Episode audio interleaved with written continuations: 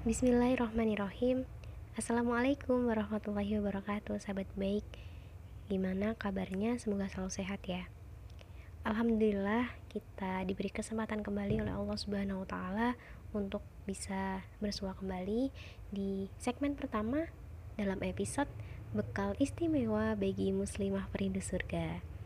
Baik, kita langsung saja ke pembahasannya, sahabat baik. Jadi bekal pertama untuk meraih surganya adalah takwa. Takwa merupakan bekal utama yang sudah tidak dapat ditawar lagi. Takwa diartikan sebagai sikap hamba yang menjaga atau memelihara diri dari segala sesuatu yang dapat mendatangkan murka dan azab Allah.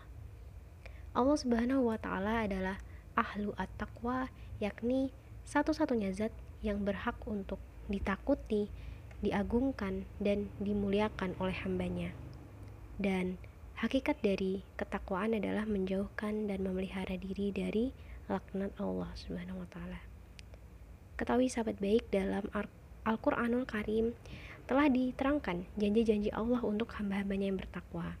Yang pertama dalam Quran surat At-Tolak ayat 2 hingga 3 Allah berfirman akan memberikan kepada hamba yang takwa yaitu solusi atau jalan keluar dari semua masalah hidupnya kata semua ini di highlight ya karena Allah nggak cuma memberikan solusi kepada masalah tertentu tapi semuanya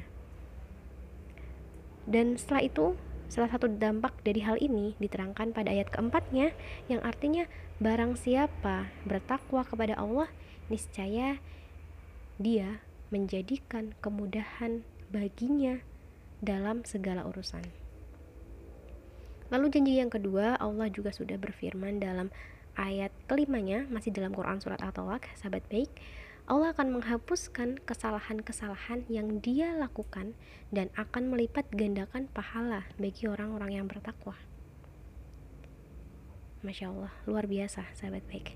Lalu yang ketiga, ini penting sekali diketahui oleh sahabat baik yang mungkin sedang dalam masa studi, kuliah, sekolah, dan lain-lain bahwa takwa bisa menjadi solusi bagi seseorang yang merasa kesulitan dalam belajar. Karena Allah Subhanahu wa taala berfirman dalam Quran surat Al-Baqarah ayat 282, Allah akan memudahkan hamba yang bertakwa dalam menuntut ilmu. Sehingga ilmunya itu bisa cepat terserap seperti itu lalu keempat Quran surat Al-Baqarah ayat 189 Allah akan memberikan kepada hamba yang takwa yaitu kemampuan untuk membedakan mana yang baik dan mana yang buruk, mana yang mendatangkan manfaat dan mana yang mendatangkan kemudaratan.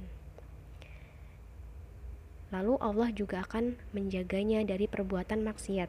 Ini tercantum dalam Quran Surat Maryam ayat 18 dan Allah juga akan meningkatkan derajat orang-orang yang bertakwa di sisi Allah Subhanahu wa taala.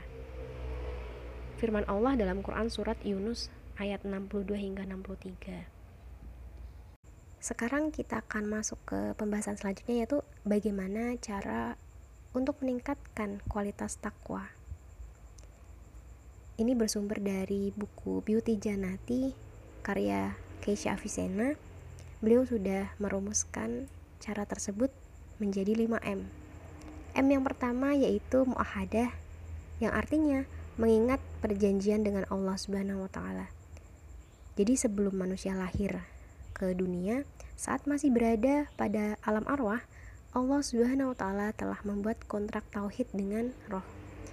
Jadi logis sekali jika manusia tidak pernah merasa membuat kontrak tauhid tersebut. Jadi isinya adalah ikrar janji bahwa tiada yang berhak disembah dan dimintai pertolongan kecuali hanya Allah Subhanahu wa taala semata. Lalu M yang kedua yaitu mujahadah yang artinya bersungguh hati melaksanakan ibadah. Mujahadah ini dilakukan berdasarkan perintah Allah Subhanahu wa taala sekaligus menjadi tujuan diciptakannya manusia. Mujahadah bisa juga sebagai sarana untuk menunjukkan ketaatan seorang hamba kepada Allah Subhanahu wa taala. Lalu M yang ketiga itu muraqabah yang artinya merasa selalu diawasi oleh Allah Subhanahu wa taala sehingga seorang muslim akan berpikir dua kali ketika dia terbesit dalam hati untuk melakukan kemaksiatan karena dia merasa bahwa ada yang selalu mengawasi saya 24 jam tanpa henti, tanpa lelah, yaitu Allah Subhanahu wa taala. Dan yang keempat, muhasabah, yang artinya introspeksi diri. Menghitung diri dengan amal yang telah dilakukan. Apakah selama saya hidup ini bekal yang saya kumpulkan sudah cukup untuk menuju di akhirat nanti? Lalu orang yang senantiasa introspeksi diri juga tidak ada waktu baginya untuk mengorek-ngorek kesalahan orang lain.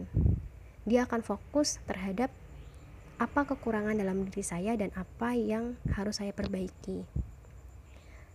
M yang kelima yaitu muakobah yang artinya memberi sanksi kepada diri sendiri ketika dia melakukan kesalahan atau sesuatu yang bersifat dosa. Dia akan segera menghapusnya dan bertaubat dengan melakukan amalan-amalan soleh lainnya. Bisa amalan sunnah ataupun amalan yang lebih utama lainnya. Sobat baik, takwa akan mendorong kita untuk bisa selalu melakukan kebaikan dan menolak kegiatan yang bisa mendatangkan dosa. Derajat takwa ini lebih tinggi dibandingkan dengan derajat iman. Sebab orang yang beriman belum tentu bertakwa. Sementara orang yang bertakwa berarti tingkat keimanannya ini sudah cukup tinggi.